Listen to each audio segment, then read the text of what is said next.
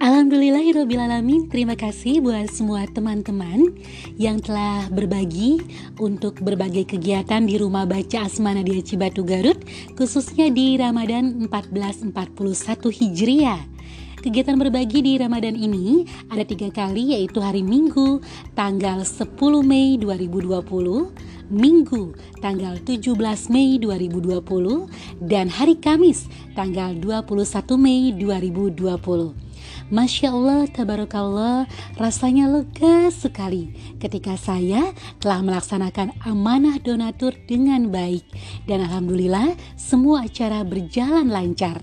Terima kasih buat semua teman-teman yang telah berbagi, menyisikan rizkinya, menjadi bagian dari kebaikan untuk berbagi kepada sesama.